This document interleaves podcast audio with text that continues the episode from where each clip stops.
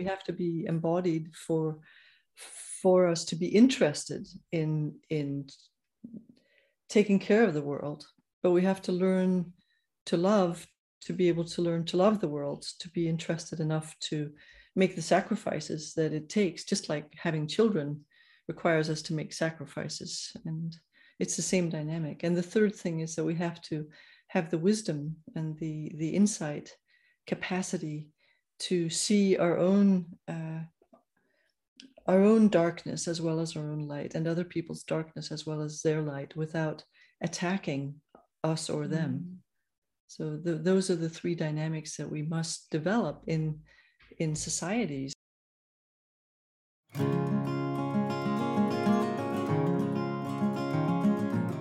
Welkom bij de podcast The Embodiment Talks, een podcast van het Embodiment Lab met Marion van Opijnen. Je rol pakken als vernieuwer van maatschappelijke systemen of het onderwijs doe je niet zomaar. Dat vraagt visie, lef en moed. In deze podcast maken we een diepe duik in inzichten en kennis over hoe we als mens bedraad zijn en hoe meer lichaamsbewustzijn jou kan helpen om stevig te staan in deze pioniersrol. Ik neem je mee op mijn eigen zoektocht en ik deel achtergrondinformatie, ga in gesprek met experts en reik je oefeningen aan. Bedenken, voelen en doen. Leuk dat je hier bent en ik wens je veel luisterplezier.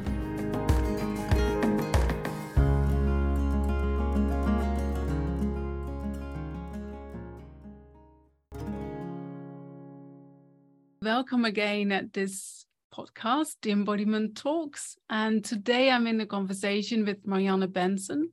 And Marianne is a psychotherapist already since the 80s, I think.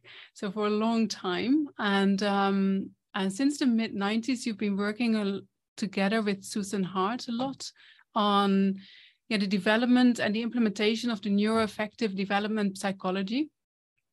And you've written many articles about this and a few books as, as well, which um, some are maybe really nice to show because I like like the neuroaffective picture book and how you've been able to make such difficult and complex material very yeah I, I, it's, I can't say it's simple but um, to make it very accessible to a broader audience so i'd like to show this mm. um, and there is a second part so this is about the first um, i think up to puberty in the development. And then the second part, which is this one, and you already see from the front as well, like the nice pictures, and the whole book is with those kind of nice pictures, which is actually the development after that from um, the teenage till like the early 20s.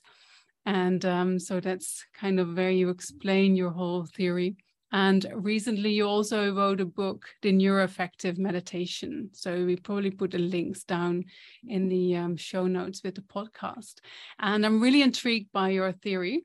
And uh, so I'm very grateful that you want to dedicate your time here today to talk about it in the embodiment talks and to inspire um, pioneers, change agents of um, societal change, and how this theory can actually be very useful for them to know a little bit more about.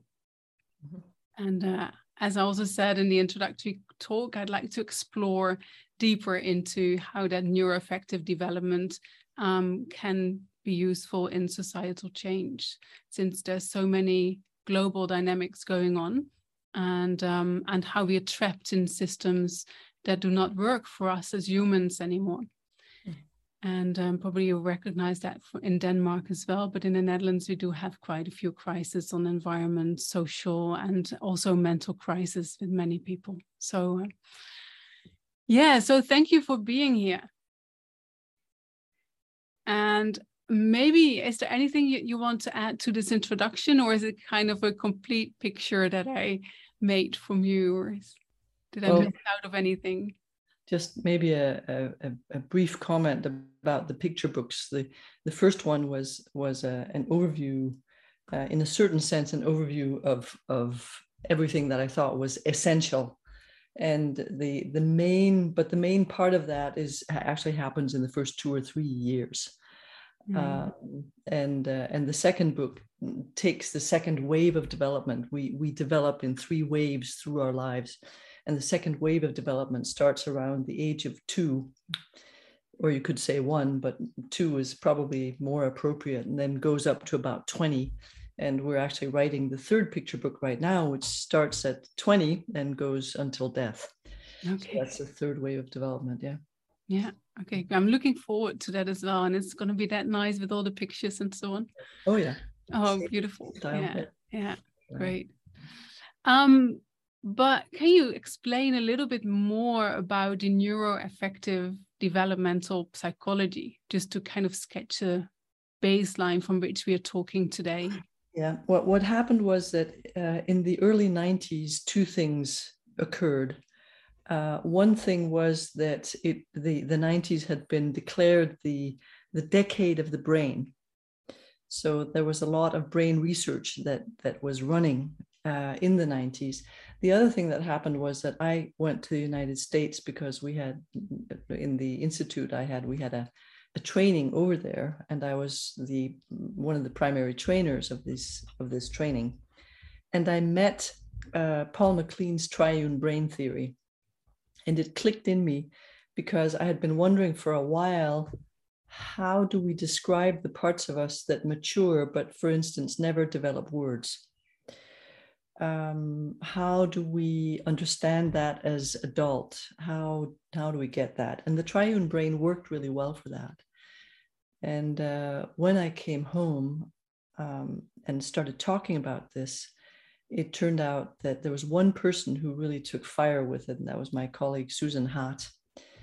And uh, and she came out of a history of of having worked with with um, psychotic infants, um, which is it's hard to be a psychotic infant. It, things have to really go wrong for you to be a psychotic infant. But that was what she had been working with and what uh, and and what we found together was how development matures through these stages of which the first one is primarily sensory and has to do with synchronizing with other people and the second one which starts at three months or two months even and goes up to about one and a half years is emotional and has to do with establishing love relationships and attachment relationships and after that, we get a symbolic uh, understanding.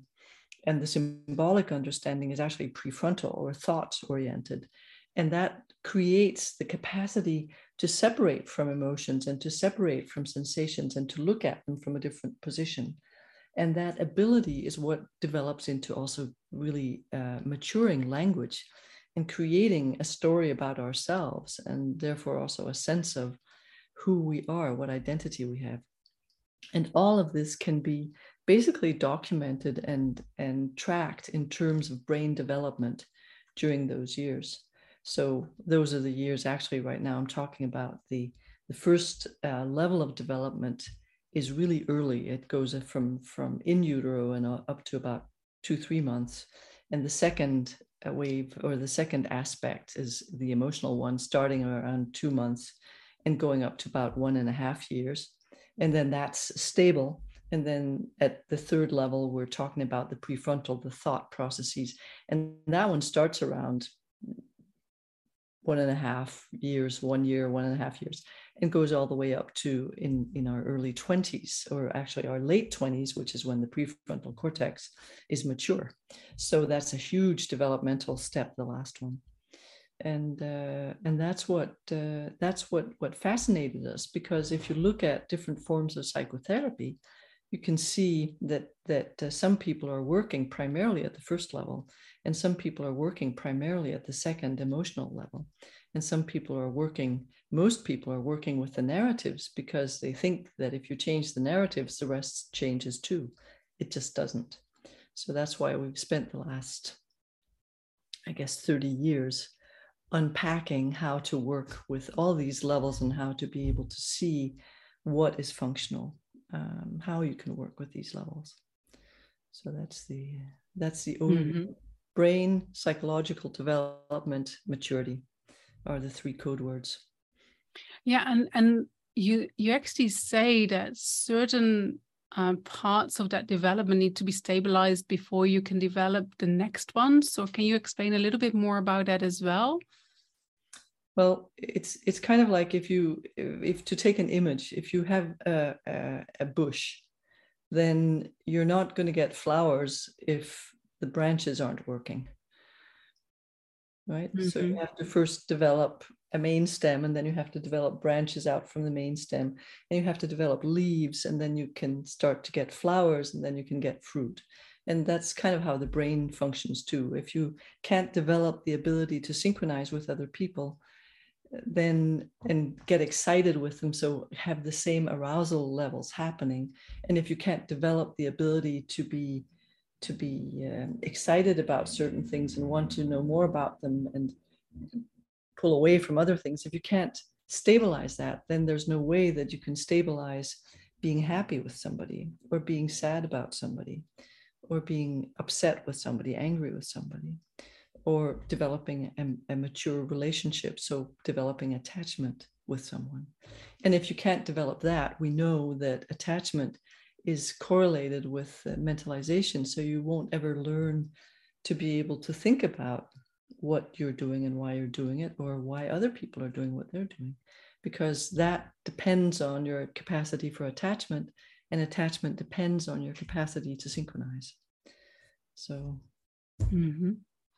What I, I recently I, I joined a workshop from you here in mm-hmm. the Netherlands. Mm-hmm. And one of the things that you said that really struck me is that we kind of strive for self love. I don't know whether you remember that you actually shared something about this, but and that you said, and it also comes back to these kind of how it builds up and how we develop. You can't self love if somebody doesn't teach you that you are to be loved and that actually comes from like the earlier parts of your childhood where you're cared after by your parents or your caretakers and they kind of teach you that you ought to be loved. And and only when you have experienced that then you can um make a next step towards self-love. Yeah that's right. Um and that's maybe also an example on how it kind of builds us on each other and how it that that, that resonates with people as well. Um, because I, I often hear people say that they need to kind of um, do it all themselves so we need to take care of ourselves and we need to love ourselves mm. um, uh, yeah and yet it seems to be so um, so difficult yeah we're starting in the wrong place. It's just how it is. Yeah, yeah. This moral statement, you know, well, you yeah. should love yourself. You need to love yourself yeah. more. Or the people that that have somehow, some of them, I guess, can love themselves, but people mm-hmm. that can love themselves generally don't talk about it. I don't know why that is, but that seems to be the case. Whereas people mm-hmm. that aren't really very good at that, they're like, I can love myself, you know, and it's like, no, uh, no, but you can imagine that you're loving yourself you think that that's what it is to be to be in a kind of self uh, you're cheating yourself you cheat yourself into this state where you think that everything is going to be okay or everything is okay but it's really not. And people around you can sense that. Sometimes mm-hmm. people around you will see you saying well i really love myself and people around you are kind of going yeah i don't think so. Yeah? Yeah. You know that feeling? Yeah? Yes. Yeah yeah. i know that. Yeah. Yeah and i i i don't always find it easy to love myself um and sometimes it's nice when others tell you like oh you, you are you are nice you know and you are to be loved and I think oh yeah, yeah. I forgot about that but thank you. Um um and it's i think just how it goes. Um yeah. i don't know that i can love myself. I don't know that it's something that it's not something that i'm particularly interested in but i am interested in caring. Um, so there's that sense of, uh, um, I think for me, it's not a question of loving myself. It's always, I've always thought that was kind of an odd term. But what I do believe in is the capacity to be, um, to be unified. So a sense of being whole or, or developing a sense of, of, of wholeness in my actions and my feelings. Mm. So that I can say what I think is essential and that uh, what I think is essential has an impact in the world, and that I protect my my capacity to do that. Um, I protect my ability to be um, to be unified, to be at one with what I'm doing or saying. Mm-hmm. So uh, that that makes more sense in my feeling of the world. So yeah. Yeah, it's a kind of an alignment with what you yeah. resonate and yeah. what you say and what you do. And yeah. it's something that I could feel really in your work as well in that workshop that you really embody. For me, that's like the embodiment talks, but it's it's like what embodiment is about as well. Can I truly embody everything that I do mm-hmm. um, and think? And, and um, if I um, can't, why am I doing it? You know? Yeah. Yeah. yeah. But of course, but also, sometimes you have to practice. You can't always embody everything. Sometimes mm-hmm. you have mm. to practice before you can embody something. Yeah. Which is another story. And then you embody it and you lose it again somewhere, and then you have to gain it back. And uh, yeah. Um. What? What rest? Sorry. Sometimes you outgrow it. Yeah. Yeah. That could be as well. Really important ten years ago, but now it's not. You know. Yeah. Mm.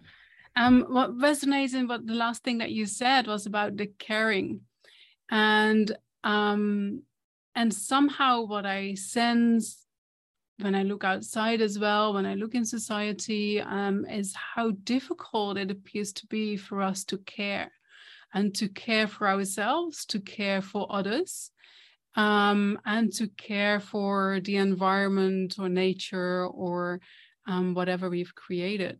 Um, can you say a little bit more about that um, based on on your model kind of where where did we kind of lose track? Mm-hmm. there i think there are th- there are three parts to the model. The first one is embodiment. The second one is is being able to love. And the third one is being able to to mentalize to be, to be able to to uh, um, understand and feel what's happening in yourself and in others so there are those three pieces. And I think what happens is that we get distracted all the time into something else. Are we beautiful enough? Are we smart enough?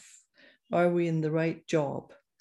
Are we going to the right vacation spots? Are we driving in a in a train instead of taking a flight? You know, there are all these different different aspects that we get constantly distracted by. We get distracted by news the first thing that we need to, I think, uh, grasp um, in terms of society, which was one of the places you want to go, I think we have to learn two things. And one thing that we have to learn is to to love what we want to take care of, because we take care of things that we love. Mm. So if we can't love the world, I don't think we can take care of it. Love does not have a due date. It doesn't stop again it goes on. And that's why if we want something to go on uh, our feelings for something and our our actions on something we have to love it. We have to find a way to love it. I think and, that's essential. Mm-hmm. and how can we do that? Can you give some practical tools or ideas? It's part of what i do in meditation is to is to mm-hmm. find ways to to discover how the world uh, is taking care of us uh, with oxygen, with with uh, gravity, with sunshine, with plants, with food, with, and it's not a thought process. It, thinking about it doesn't help. You can't think your way into falling in love with the world or with a person. You can only open your eyes and discover that your heart is falling in love so there's that discovery process. So in for instance in october i will be doing a workshop about that in in corfu where we'll be exploring this quality of of belonging which is really belongs to the somatic part but it's also something that has we have been distracted away from. We don't feel that we belong. Most people don't feel that they belong anywhere anymore. But they do. They belong to the earth. And it's possible to come to know that again. Mm-hmm. And when you belong, that also opens this sense of love. And love will let you remember to take care. yeah and already in in the question like where do i belong is already that separation um from actually the place where we do belong on in in our the society is very part of uh the the, the earth that we're part of. Um yeah. And is that that that sense of belonging is that part of that first state you spoke about before like the more embodiment part or is that then more the um part of being able to love belonging belonging starts before love in fact. Yeah. um belonging starts when we get created really. But it, mm. it certainly also is is very intensely active in the six months from in utero to about two or three months where we're working with synchronizing. It's the synchronization. When somebody is walking in the same pace with you there's a sense of belonging that starts to just open up when people play music together when people sing together when soldiers march together there's a sense of belonging that is that is created synchronization creates belonging Mm. Yeah. So also there you see the the how it kind of builds up. So we first have to get to regain that sense of belonging to society and to um, the planet, um, and before we can start loving it. Yeah. Yeah, that's correct.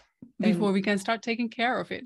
And that's what's yeah. required for us to continue to take care of it. I mean, we can take care of it short term. You know, you can mm-hmm. decide that I will now go out and I will pick up all the uh, all the plastic on the beach, for instance. That's and that's a fine thing to do, but you probably won't uh, be passionate about doing that every day. You know, mm-hmm. but if you if you have a sense of loving the ocean and loving the beaches, then there will be a natural movement towards doing that every day or as often as possible or wherever you are. My husband for instance always has we we have a dog and and so it's easy to have little plastic bags with you. Mm-hmm. and uh, and he'll pick up stuff as as he goes along. And i know people that do that wherever they're walking they have a plastic bag so they can pick up even though plastic is bad but still you know they can pick up things that shouldn't be there in nature. Mm. and that's a sense of that love that, that it just wants to do that. Mm. it just wants to. Yeah. Yeah.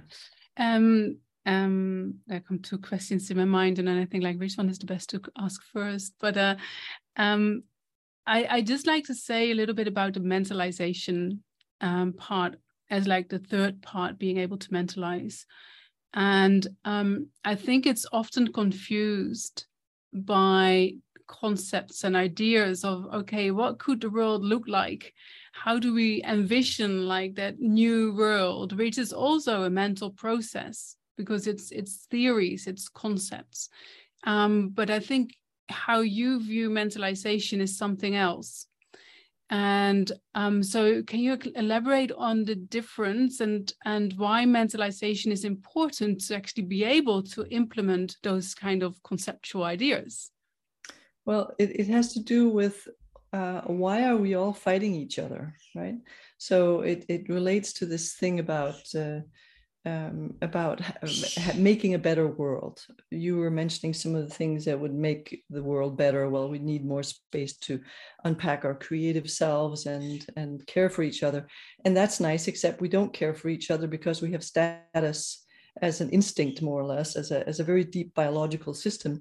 And that means that we're always fighting to see who's going to be on top. So, what happens with mentalization is that we become able to notice that we're doing something or that somebody else is doing something which can be useful or not useful but we don't have to act on it because we can we can sense it and we can feel it and we can relate to it so there's a sense of caring uh, with that that that comes much more naturally.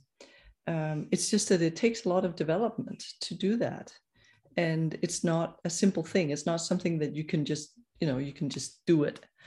Um, it, it, takes time. It's it's uh, some of the dynamics that go into developing wisdom. So the ability to know your feelings, to feel your feelings, including the nasty feelings, to to feel them and to recognize them and to not act them mm. and to recognize the nasty and the beautiful feelings in other people and to not act on them either and to be able to try to reach people in a different way uh, still. And that's part of what you what when the people that are studying wisdom are actually describing some of the, those same processes the ability to know that the world is an uncertain place and that nothing that we ever decide is necessarily the right decision because we can make mistakes and that nothing there are no finished ways to just do something or just learn something or you can't just push these three buttons and then you can mentalize.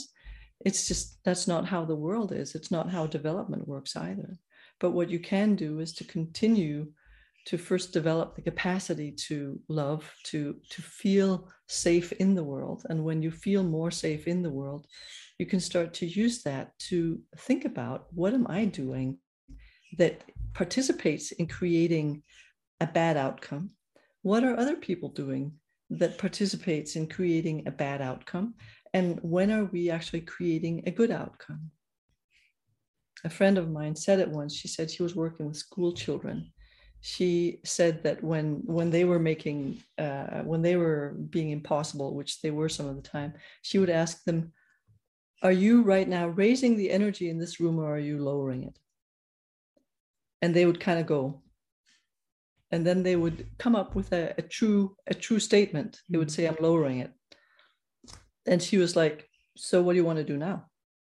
And they would be attentive after that. So there's this discovery of oneself as a person who is supporting a certain movement in society or in the world that goes with mentalizing with mentalization. Mm. That, that's interesting because if we look at the um system we're all part of the systems you know we sometimes say like oh they have created this and yeah maybe some laws have been made around it but we're all part of kind of the development in the society that we kind of live in so um and that sense of belonging um will probably also give us more of a sense that we are part of all that we've created. Um, and um, and that we then also are part of caring for it and um, and maybe creating something that is uh, more humanized that that yeah. suits us as, as humans better than um, how it has become now yeah beautiful yeah. yeah. And and does the the concepts of of grow up, wake up, and clean up fit in that as well? Because that really resonated with me with me as well when I read yeah. your book. Yeah, that would be grow up actually everything that we've talked about so far has to do with growing up. Mm-hmm. okay. And what then would because that is also like a certain sequence. We first grow up then we wake up and then we clean up. Yeah. So how would the next phases of like wake up and clean up then follow onto this? Uh, i think clean up would come before wake up. But uh, in but, this case probably yeah. yeah yeah. Yeah. But cleaning up would have to do with with uh, with uh, starting to to uh, be congruent with with your uh, with your adulthood. So if you've grown up you actually know when you're part of creating a problem in your marriage or in your relationship or with your children. You're not just looking at you know saying well my child does this that and the other thing. Yeah, yeah, yeah, yeah. you're looking at how do i create the way that my child is behaving? What is it that i'm doing that is making my child do this. So you start to look at a much more fluid state of there's me and there's my child, and both of us are doing something, right? So that's uh, that's one aspect um, of of cleaning up is to start to see that, which is also mentalizing, and then to do something else about it. To say, okay, I'm going to talk to my child or my husband or my wife about that. That I'm doing something here and you're doing something here too, and that conversation can go deeper and deeper and deeper and deeper and deeper. So in in a way it's like the it's like uh, doing dishes. You know you're never finished with the dishes. You're only finished with the dishes until next meal. And and that's kind of how it is to clean up. Um, you're never finished with with uh, ken wilber talks about it as exercising among other things. He talks about it as emotional work with other people also. So it's uh, it's these processes of continuing to clear your relationships and then you discover that with some people that's really easy. With some people it's very hard. Partly because they haven't learned to do that so they don't know how to do that and they are stuck in a different way of working. They're stuck in a way of working where they want to perhaps be on top or they want you to understand that they didn't do anything wrong or all of which is is understandable but it doesn't help us to come farther mm-hmm. So that would be the cleaning up dynamics. And finally there's the waking up dynamics which is all about discovering the spiritual dimensions. And and they get sometimes they get uh, they get flattened. They get kind of very uh, um, uh, in a way romantically treated. Uh, you know you can watch a, a movie or read a, a romance book and you get these kind of images of the beautiful man and the beautiful woman that nobody recognizes and the beautiful man recognizes a beautiful woman and they can't figure each other out so they're having a fight all the time or and then suddenly they discover that they're each other's soulmates and true love and then they get married and then the book ends. So that's kind of we can have that same relationship to spirituality or we can have that same relationship to the planet that there's gaia and gaia knows what where we're going and what we're doing and gaia is our mother. And we can have the same romantic relationship to that but we can also have much more um, a much more mature relationship to it. We can have a sense of of the information that we have about what's happening with our earth.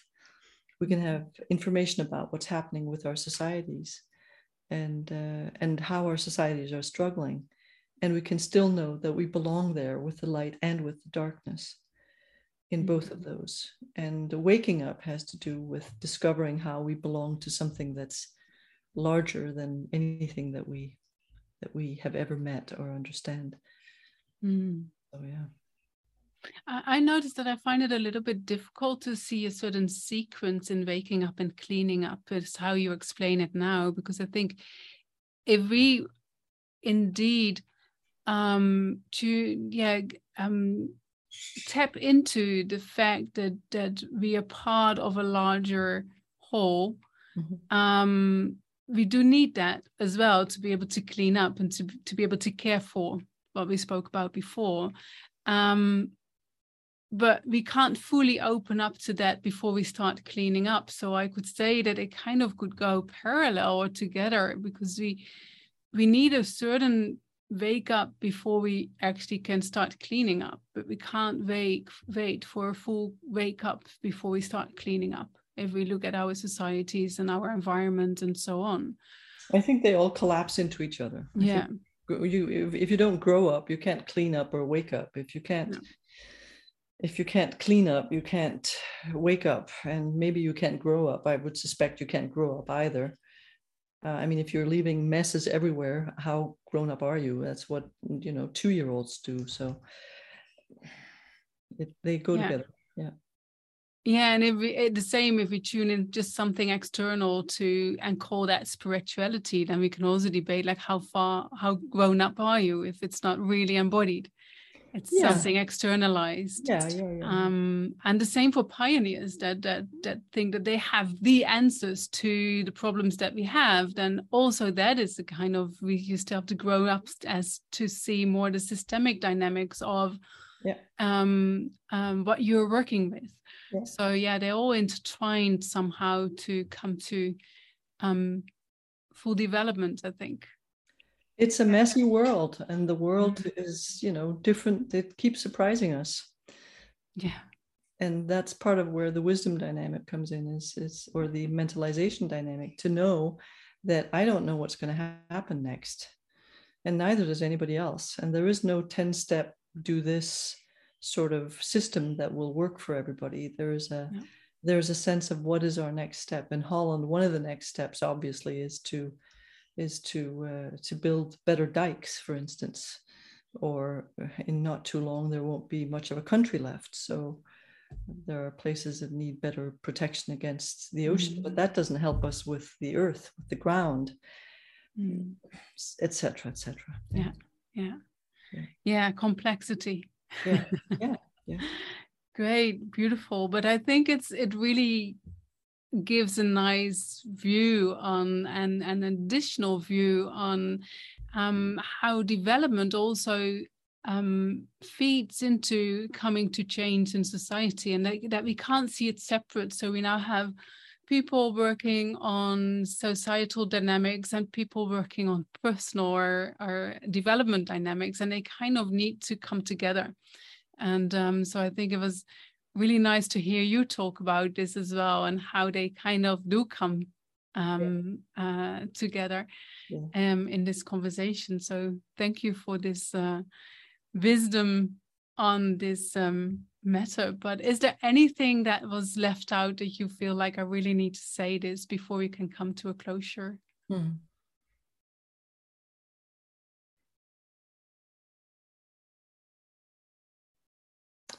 No, I, I think that that um,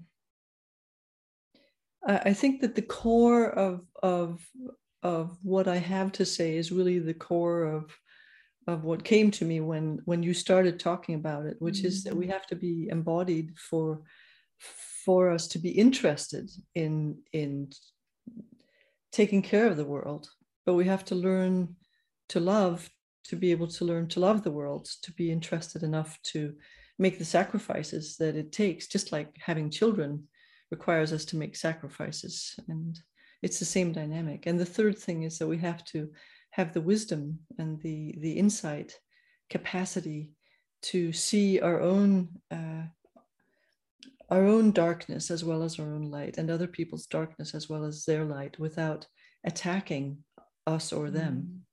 so the, those are the three dynamics that we must develop in in societies. And how does one do that? One does that through ordinary, mature uh, process. I mean, it's, uh, and there will be wounds in it. There always were wounds in it, and there always will be wounds in it. And that's important because it's one of the ways that we develop wisdom or that we develop mentalization strong strong capacity to to see what's happening in other people to see what's happening in ourselves comes out of wounding so wounding is central to our lives as one of the riches not as not as something terrible that we have to heal but as one of the mm-hmm. riches that we understand what pain is it's an important thing to understand yeah not the only important thing but one yeah Great. Thank you for this addition as well. And uh, for people listening to this episode, if you're really interested in the work of Marianne Bentzen, I will put the link to her work in the show notes. But I also like to mention that you are giving a training, or that's starting. It's a three blocks of four days, which is starting in November. Mm-hmm. So in the Netherlands, but it's spoken in English, so it's um, it's uh, accessible for internet an, internet an international audience. Mm. And uh, I will also put the link to this training in the uh, show notes uh, below because I. Um, I'm pretty sure it's going to be very enriching for mm. many people for the grow up. Um, yeah. sorry, to grow up. Grow up purpose, yeah. yeah. yeah. okay, great. Yeah. Um, and I've also asked you to record a um, an exercise that you can find in the next episode. So if you want to experience some of uh, Marianne's work, then uh, go to the next episode where you'll find an um, an exercise. So thank you, Marianne, for thank today's you. conversation and your wisdom lovely talk. Thank you.